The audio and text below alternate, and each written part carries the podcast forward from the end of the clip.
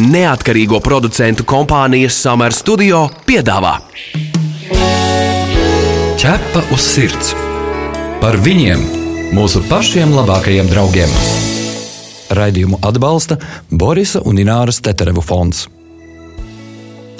Esiet sveicināti Latvijas radio pirmā kanāla klausītāji. Šeit Magnus Seriņš un līdzās man atrodas mana kolēģe Inese Kreitsberga. Sveicināti, mīļie klausītāji! Šajā reizē mēs runāsim par to, ko dzīvnieks dara savā brīvajā laikā. Ja tā to var nosaukt. Gan jau kā esat dzirdējis tādus tekstus, mans kaķis atkal aizstaigājis medībās, varbūt šodien nepārnāks. Mans suns pa nakti dažkārt aizskrien mežā, bet no rīta jau atnāks. Vai šāda situācija ir pieļaujama? Ines, kā tev šķiet? Un vai vispār tāda ir likumīga? Labi, ka mums nav jāatbild uz šiem jautājumiem.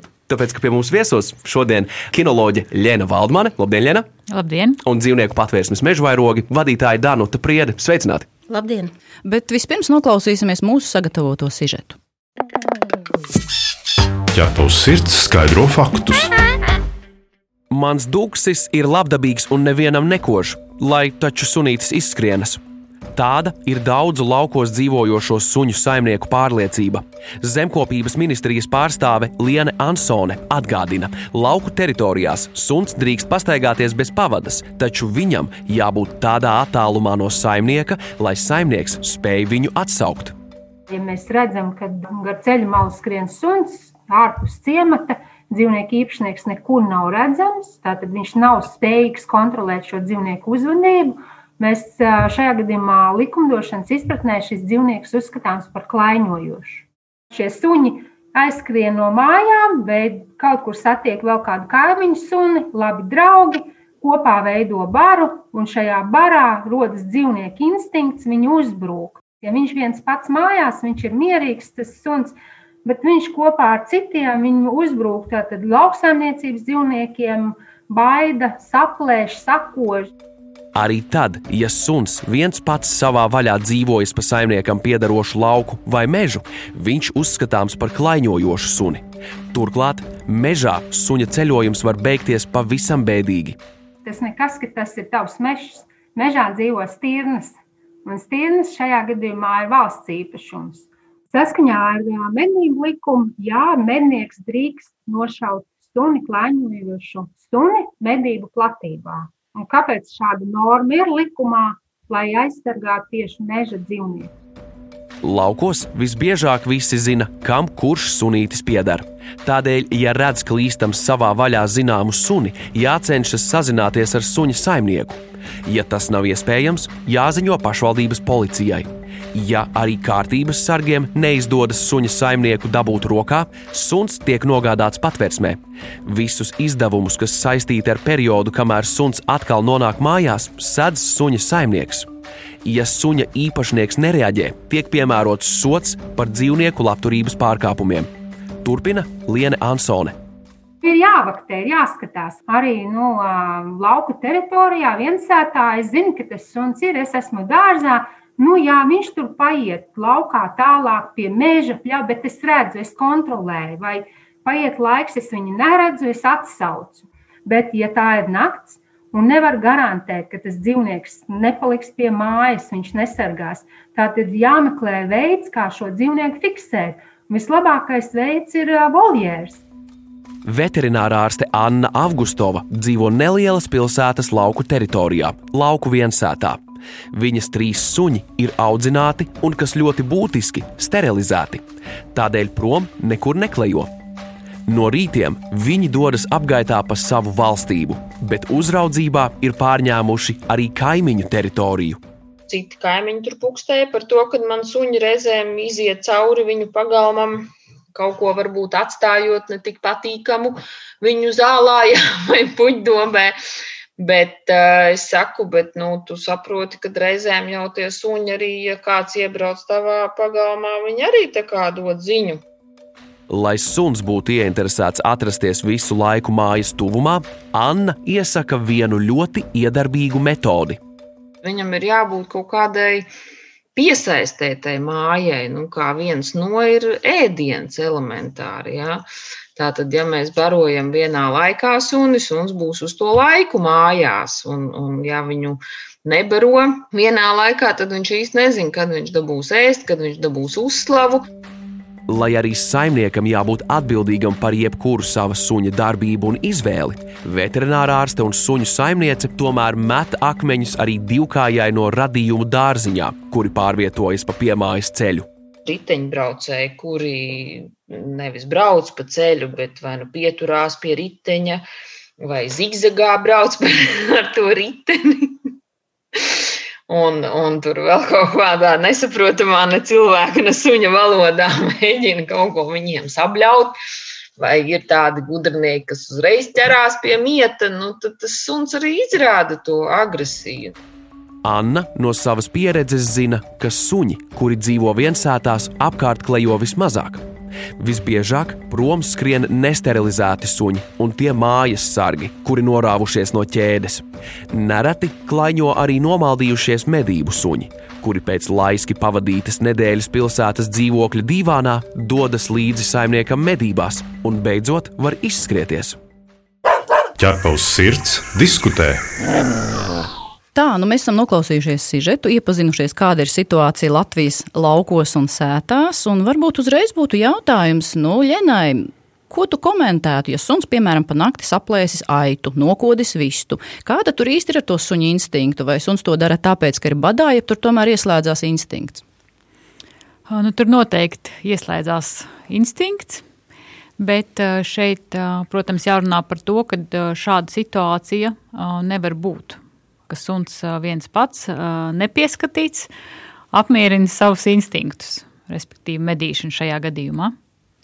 Tad varbūt nu, Danuta, piemēram, kā cilvēks, kas redz faktiski šīs sekas, nu, tātad varbūt patstāvīgos klientus, kas ierodās patversmē vai tiek atrasti savākti. Kāds ir tas parastais modelis, kādā veidā šie suņi klaiņo? Vai viņi ir nepiesieti, vai viņi lec pāri žogam, vai kāds cits ir iemesls? Izkļūšanas veidi mūsu suņiem ir ļoti dažādi. Suņi ir ārkārtīgi izdomas bagāti dzīvnieki ar saprātu apveltīti, un viņi izdara secinājumus. Tas nozīmē, ka saimnieks aizejot uz darbu, viņš pat var nezināt, ka viņa suns klēņo apkārt. Viņš vispār nezina, ko tas suns dara brīvajā laikā. Un te ir jāsaprot šī atbildība. Ja kaimiņi saka, ka jūsu suns regulāri klaiņo, bet es atnāku no darba, un te viņš ir, nekur viņš neklaiņo, beidziet man aprunāt. Tā īsti varbūt nevajadzētu, ir jāieklausās. Ja? Jo suņi ir gudri, kā jau es teicu, viņi uzreiz pēc saimnieka dodas projām un pēc tam atgriežas, zinot, ka saimniekam piecos beidzās darbs. Tā tas notiek. Otrs, suņi uzbrūk citiem dzīviem organismiem aiz bezdarbības. Viņi sevi izklaidē lielākoties. Bada mocīts suns visdrīzāk nebūs gana spēcīgs, lai nogāztu aitu gar zemi un apēstu. Viņš visdrīzāk meklēs kaut ko miskastēs un apēdīs varbūt kādu pusdzīvu zvirbuli, bet bada mocīts suns nekad nespēs nomedīt kaut ko. Tātad ir jāsaprot, ka vēl ļoti svarīgs faktors ir tas, ka uh, viens suns ir suns, bet divi suņi ir suņu bars. Un tur valda pilnīgi citi uh, likumi, pilnīgi citi instinkti un pilnīgi cita motivācija uh, visam pasākumam, ko viņi dara. Tas nozīmē, ka mums tikko nesen salīdzinoši bija situācija, kad trīs vidusāzijas aitu suņi ir ienākuši svešā pagalmā un sēž pie durvīm.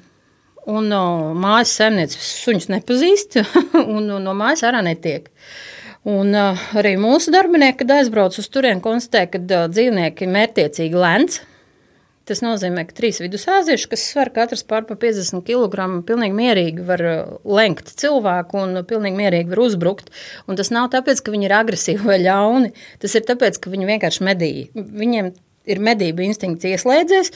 Lai viņu izslēgtu, tas nav tik vienkārši. To nevar izdarīt vientuļš svešinieks meža vidū. Ja pēc viņiem pateikt, jūs mani nemedīsiet. Ja? Uh, bet tās situācijas ir um, ļoti dažādas un viņas ir ārkārtīgi bīstamas, jo mēs savus suņus pazīstam no citas skatu punkta.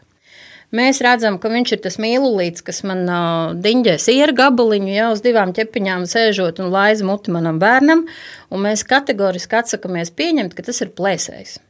Šis dzīvnieks ir plēsējs, un viņam piemīt instinkti. Patīk mums tas vai nepatīk.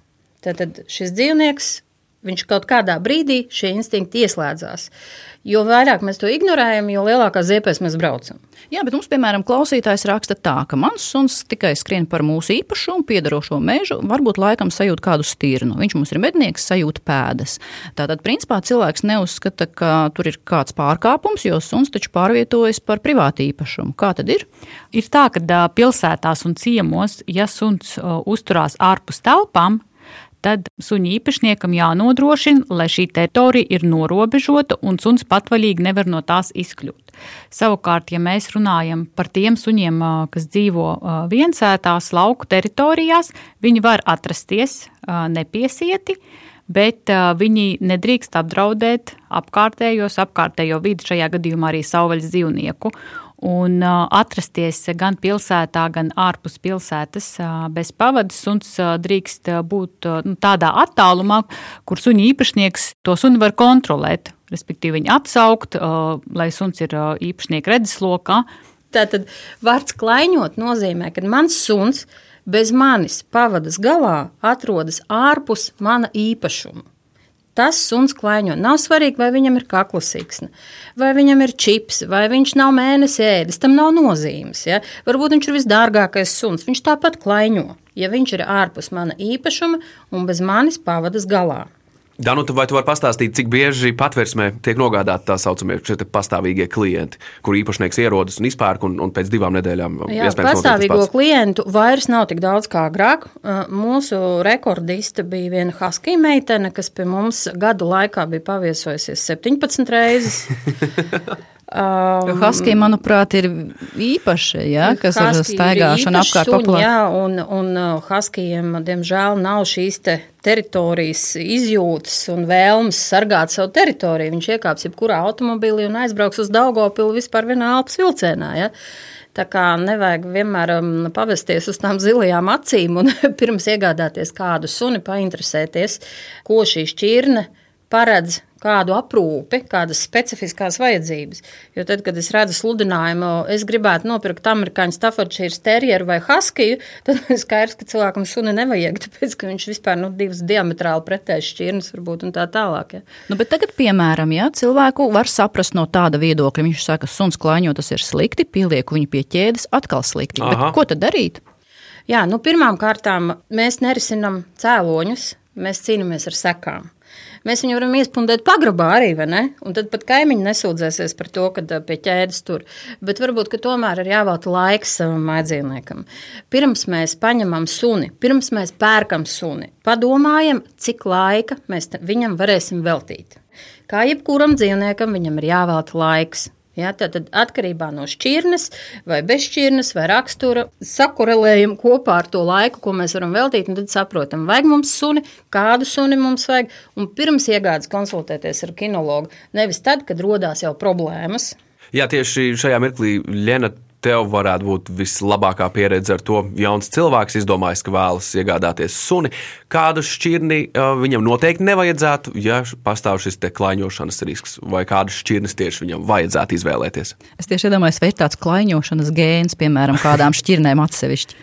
Jā, es vienmēr tā ļoti izvairīgi atbildu šādiem jautājumiem, kur kādu konkrētu šķirni vajag vai nevajag. Uh, Bet tas, ko es noteikti vēlos uzsvērt, ir, ka tā ir gan paša audzētāja, ja mēs runājam par šķirnes dzīvniekiem, gan audzētāja, gan suņa īpašnieka līdzatbildība. Tātad, protams, kad cilvēks vēlas iegādāties suni, viņam ir jāievāc informācija, tur jāuzzina viss par to šķirni, bet arī ļoti svarīgi, lai audzētājs tiešām arī patiesi pastāsta, ko no šīs konkrētās šķirnes var sagaidīt. Un um, nevajag kā, mēģināt tiešām to kucēnu notirgot, ja, bet tiešām vajag pastāstīt, jā, ka tur nepietiks ar 30 minūšu pastaigu divreiz dienā, ka tur vajadzēs vismaz divas stundas pastaigas. Un, uh, protams, ja mēs runājam par šo klaiņošanas gēnu, kā Ines minēja, es to varbūt nosaukšu par uh, brīvības mīlēšanu, un tie, tad, protams, arī būtu šie haskiji vai arī ļoti daudzi medību suņi, kuriem ir svarīgi, viņiem ir svarīgi apmierināt to savu medību instinktu, zināt, kā arī teritorijas izpēti, ja tad tie ir visi nu, laikai līdzīgie laika tipa suņi. Dzinējs un bīgls. Arī dzinējs un bīgli. Jā, jebkurš arī strādās. Suns, jā. Kā ar Rotvēleriem? Rotvēleriem ir cita specifika, tas tomēr ir tā kā, nu, var teikt, sargsuns ar jebkuru rotvēlēru ir kāda atšķirība. Ja mums, pieņemsim, klaiņo Yorkshīras terjers vai mums klaiņo rotvēlers, tomēr tā ir ļoti nu, būtiska atšķirība. Uz ielas būtu diezgan neumulīgi. Jā, un arī, mirklī. arī cilvēku uz ielas šos te mazos sunīšus, šķirnes vai bezšķirnes, viņi ļoti labprāt gan paņem, gan aizved uz klīniku pārbaudīt čipu vai, vai nogādā paši patversmē. Savukārt tādam lielam, spēcīgam sunim, nu, patiesībā ir bailes tā kā tuvoties, un tad jā, tad parasti šie dzīvnieki ir arī grūtāk notveram, jo parasti, tad, kamēr cilvēks paziņo policijai, paiet laiks, suns jau ir kaut kur aizmucis tālāk, nu, tā kā viņi grūtāk noķeram. Atgādinām, ka jūs klausāties raidījuma ķepa uz sirds. Aicinām sekot arī līdzi mūsu sociālajos tīklos, Twitter, Facebook, Instagram. Un arī, protams, rakstīt info atķepa uz sirds.lv. Stāstiet mums savus stāstus. Tu pazīsti kādu īpašu dzīvnieku draugu? Tavs kaimiņš vai kolēģis palīdz nelaimē nonākušiem suņiem un kaķiem? Varbūt kāds suns vai kaķis izmainīs tavu pašu dzīvi. Raksti mums, un mēs pastāstīsim šo sirsnīgo stāstu pārējiem klausītājiem. Iedrošināsim arī citus izdarīt kādu labu darbu. Gaidām jūsu vēstuli uz info atķepa uz sirds LV. Mēs turpinām mūsu sarunu, un tāds vēl jautājums, vai nu, nekastrēti dzīvnieki, nu, teiksim, nekastrēti suņi, kaķi arī daudz biežāk grib doties brīvsolī? Jā, protams, tam ir diezgan sezonāls raksturs. Bet jāsaka tā, ka gads iedalās apmēram tādos četros posmos, vismaz mēs patversmē esam novērojuši. Ja ziema ir augsta, dzīvnieki klēņo vairāk jo viņiem gribās vairāk droši vien sasildīties, un tik tiešām suņi klaiņo vairāk. Tad nāk pavasaris, kad ir tradicionāla pārošanās sezona. Tad ir vasaras klaiņošana, kad ir cilvēki izceļojuši no ierastajām dzīvesvietām un ierastiem maršrutiem. Un tad ir rudens sezona, kad atkal ir daudziem meklēšanās periods. Tātad šie četri posmi patiešo ietekmē patversmē ienākušo dzīvnieku skaitu. Sterilizāciju noteikti var uzskatīt par vienu uh, no veidiem, kas arī varbūt mazinās šo klaiņošanas tieksmi suņiem. Un, uh, Par kaķiem runājot, jāpiemina, ka kaķi vispār var laist ārpus mājas, tā kā ļaut viņam iet ārpus mājas un uzturēties ārā tikai tad, ja šis kaķis ir sterilizēts. Nomainot nedaudz sarunas tēmu, runāsim par medniekiem. Kas ar viņiem notiek? Jo var būt tāda situācija, ka klaņojošs suns nokļūst mednieku rokās, un uh, tur jau lielākoties iznākums ir skaidrs. Teikšu tā, ir ļoti dažādi medību kolektīvi, ir ļoti dažādi suņi un ir ļoti dažāda kultūra katrā kaut kādā medību kolektīvā. Situācija ir tāda, ja jūsu suni meža vidū nosauc mednieku, jūs par to nekad neuzzināsiet. 100% garantēju. Neviens mednieks nav pašnāvnieks. Ja arī viņš liku, rīkojas likumīgi, ir likumīgi nošaut suni, kurš plēš stirnu, bet zinot to, kas sekos no suņu entuziastiem, kā viņu nories un kā viņu ar akmeņiem nomētās. Neviens mednieks nekad jums nepateiks, un jūsu čipētais suns tur smuki kaut kur kādā bedrītē arī mežā satrūdēs. Tāpēc vien nelaidiet savus suņus klaiņot mežā. Otrs, tie skaļie gadījumi, kad um, man mednieks nošāva suni, kur sabiedrība nostājās suņu īpašnieka pusē. Vienmēr. Un, uh, tas nav pareizi, tāpēc, ka ir jāizvērtē situācija. Neviens mednieks nenāk manā pagalmā un nešauj manus suņus. Manus suņus var nošaut tad, ja mani suņi nekontrolēti skraida pa mežu. Jo par medniekiem runājot, arī nu, ir dzirdēts, ka nu, tie tiek iesaistīti kaimiņu konfliktu risināšanā, un dažkārt šie suņi, kā arī Danuta pareizi teica, pazūd. Un ir aizdomas tikai, ka kāds uh, mednieks ir nošāvis. Bet ko tad darīt ar to konkrēto kaimiņu, kuras suns regulāri staigā apkārt? Apmaksāt kinologu, kāds ir risinājums? Atkal jau zvanīt pašvaldības policijai. Nevajag uzdoties par tiesnesi situācijās, kurās tu nevari kaut ko ietekmēt. Ja? Tu esi kaimiņš, un tev ir tieši tādas pašas tiesības un pienākumi kā otram kaimiņam. Ja jūs redzat jebkuru likuma pārkāpumu, jums ir jāziņo attiecīgajām instancēm. Tas ir noteikts likumā, nevajag izgudrot Ameriku. Piezinām pašvaldības policijai, jo nepieciešams uzrakstam iesniegumu, un tālāk jau pašvaldības policija risinās šo jautājumu atbilstoši savai kompetencei. Ja konstatēs, ka tur ir kaut kāda varbūt vardarbība pret dzīvnieku, vēl kaut kas tālāk, lieta aiziet uz PVD. Ja konstatē, ka uh, dzīvnieku tur varbūt vēl kaut kādas nianses, tad ir valsts policija. Bet pašvaldības policija ir tā pirmā instance, kurā ir jāvēršās, kad mēs redzam klaiņojošu, bezpalīdzīgā stāvoklī esošu dzīvnieku. Tad, tad līdz ko mans suns iziet pa maniem vārtiņiem, viņš ir klaiņojošs dzīvnieks. Kaimiņam ir tiesības ziņot un tam nav nekāda sakara ar uh, nodevību, kā to mīl cilvēki tagad uh, stāstīt, kad nodevēji, ja, stučītāji. Ja. Nē, te ir atkal piemērs no dzīves, kad uh, mums ir izsaukums ogrē uz klaiņojošu suni, šķirnes suns. Mēs braucam, meklējam, un cilvēks saka, jā, es viņu redzēju, bet es jums neteikšu. Es negribu, lai jūs viņu maitas gabalu aizvedat uz patvērsmi. Nu, no rīta saimnieks savu sunu atrada nobraukt. Jautājums, kā ir labāk? Vai viņam nokļūt patversmē, vai viņam nokļūt kapiņos. Tātad cilvēku tādu kaut kādu, viņi mēģina kaut kā glābt tos suņus pilnīgi nepareizi. Ja? Tātad patversme šajā gadījumā ir patvērums. Ja jūs mašīnu nopirkojat ne tur, kur vajag, jūs par to maksājat. Un par suņiem tieši tāpat, ja jūs suns klaiņo, jums par to ir jāsamaksā. Tur 5, 10, 20, 40 eiro, bet par to ir jāsamaksā. Tā tas likumā noteikts. Domājot par sabiedrības drošību, sakiet, cik agresīvs var būt klaņojošs suns? Lienā jau sākumā minēja, ka viņi kļūst par baru tad, kad nu, nonāk tā kā brīvā teritorijā. Jā, jā. jā, un tas ir aktuāls, starp citu. Piemēram, ko darīt cilvēkam? Viņš iziet tagad ārā savā sētā, un tur sēž divi haski un uzglūna manam špicam, piemēram. Ko cilvēkam darīt? Es tajā situācijā būtu ļoti piesardzīga likt špicu kabatā un iet iekšā noteikti, ja, jo husky un špica tā ir pilnīgi nelaba kombinācija. Bet situācijā, kad mēs nezinām, kā mums rīkoties, ja, tad pirmais, kas ir, ir jāmēģina saņemties un ar veselo prātu izdomāt, ko darīt. Un neizrādīt o, dzīvniekiem savas emocijas, tas būtu viens, kas būtu ļoti svarīgi. Ja? Nesākt bļaut histērijā vai vēl kaut ko, jo tas nevienmēr var nostrādāt. Ja? Nu, ir ļoti grūti iedomāties tās situācijas. Mēs katru dienu Rīgā varbūt katrs pājām garām kādam klēņošam sunim, bet mēs viņus neredzam, jo viņi ir neredzami. Viņi māk pārvietoties tā, ka viņus nu, pat uz rūdītos klēņotās. Bet, ja tas suns ir ienācis manā pagalmā un reāli izrāda agresiju, nevajag mēģināt viņam pierādīt, ka viņam nav taisnība. Ja? Tad, tad saucam atbilstošos dienestus un noturam sevi drošā attālumā, aizvācam bērnus, aizvācam mājdzīvniekus. Ja? Nekad neapdraudiet sevi, lai noķertu klēņojošu suni principā klaiņojušus suņus vispār drīkst ķert tikai apmācītas personas. Ir tā, ka uh, ir ārkārtīgi uzlabojusies situācija ar čipēšanu. Nav Latvijā cilvēku, kas nezina, ka sunim jābūt čipētam. Tie suņi, kuri nav čipēti, saimnieks skaidri var atbildēt, kāpēc viņi to nav darījuši. Mans suns nekur nebēgs, man viņš ir vecs, tas ir hīts vispār. Ja?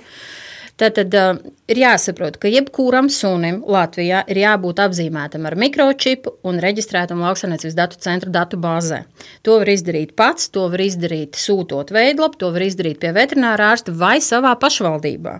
Nav jābrauc uz Rīgu, lai, lai zilupē pieregistrētu suni. Ja, aiziet uz savu pašvaldību un tur to izdarīs. Un pie tam, kad nepaņems vēl par pakalpojumu neko, ja, ir pašvaldības, kas pat valsts nodevu apmaksā cilvēku vietā. Es vēl gribēju pajautāt par tiem suņiem, kas nu, klāņošanas rezultātā ir nonākuši patversmē.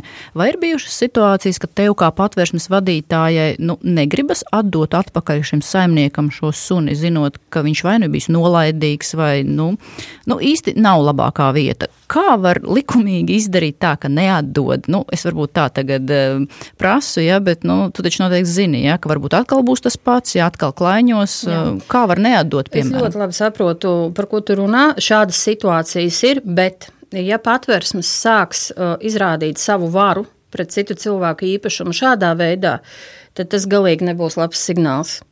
Mums ir pienākums šo suni atdot īpašniekam. Ir nu, viss juridiskās nianses. Ja, tātad, bet, ja mēs redzam, ka ir pārkāpumi, mēs vienmēr varam vērsties valsts policijā, pašvaldības policijā, pārtiks un veterinārijā dienestā ar iesniegumu, lai tiek pārbaudīti šie dzīvnieku turēšanas apstākļi, vai saimnieks izprot šo situāciju. Ja, un tādi gadījumi nav maz. Sistēma strādā, tad uh, svarīgi ir atņemt tam sliktajam saimniekam suni legāli.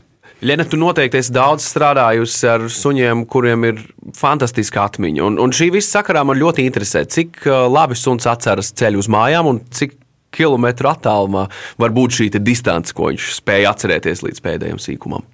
Kilometrāžu uh, droši vien nepateikšu, bet uh, nu, suņiem tās atmiņas spējas arī var būt ļoti atšķirīgas, bet vienu var droši pateikt, tas, kas ir tāds regulārais klaiņotājs, protams, ka viņš ļoti labi zina visus savus maršrutus ceļu uz mājām, un tāds suns, kas ir aizmucis pirmo reizi, ja, viņam varbūt varbūt grūtāk atrast ceļu uz mājām, jā, bet tie, kas to dara regulāri, skaidrs, ka viņi to ļoti labi zina. Šeit gan vēlos arī vienu lietu pieminēt, ka uh, Mani vienmēr ļoti pārsteidz tādi sludinājumi, kur tiek pazaudēti suņi seniori, gados veci suņi, suņi ar īpašām vajadzībām, suņi, kas ir akli, suņi, kas ir kurli.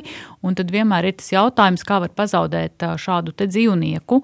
Tā kā te tiešām ir liels aicinājums varbūt visiem, ja jums ir šis suns seniors, viņš jums varbūt nepateiks, ka viņš tagad sliktāk dzird vai sliktāk redz, jūs to varat nezināt bet vienkārši parūpēties par to, ka tiešām viņam ir obligāti gan šis čips reģistrēts lauksaimniecības datu centra datubāzē, gan viņam ir kakla sikstiņa varbūt ar jūsu numuru pielikta. Un, protams, ja jūs esat ārā ar šādu sunu senioru, nu, tad viņš ir nu, ar divu tik lielu uzmanību jāpieskata. Es ticu, ka radioklausītājiem tieši šajā mirklī rodas jautājums, noklausoties visu, ko esam pārunājuši šodien. Labi, mans suns bēg, no mājām prom, bet atgriežas. Nu, ko es varu darīt, lai tas tā nenotiktu? Iesakiet man kaut ko. Nu, droši vien izpētīt tos ceļus, kāpēc suns bēg. Jā, varbūt tur ir slikta sēta, kuru vajag jau ar steigu salabot. Un otra lieta ir, protams, nodrošināt šim sunim pietiekami daudz aktivitātes, lai tas suns ir noguris, lai viņam nav tā vēlme kaut kur iet ārā un izklaidēt sevi ārpus mājas un bez saimnieka. Jā, tātad saimnieks ir tas galvenais gan izklaides avots, gan barības avots, gan uh, visa brīvā laika pavadīšanas avots. Tā kā nu, saimniekam ir jārūpējās par to, lai dzīvnieks ir fiziski un uh, mentāli noguris. Bet es tomēr par tām kaimiņu attiecībām, varbūt ko mēs varētu ieteikt cilvēkiem, ja šis konflikts jau ir noticis. Mums te diezgan tāds skumjš notikums bija. Mums ziņoja Latgalē viena sieviete, ka viņas takša sunim bija uzbrukusi ar dakšām kaimiņiene, jo šis takša suns bija ieklīdis viņa skūtī no kaimiņa mājas, gribējis padzerties pienu.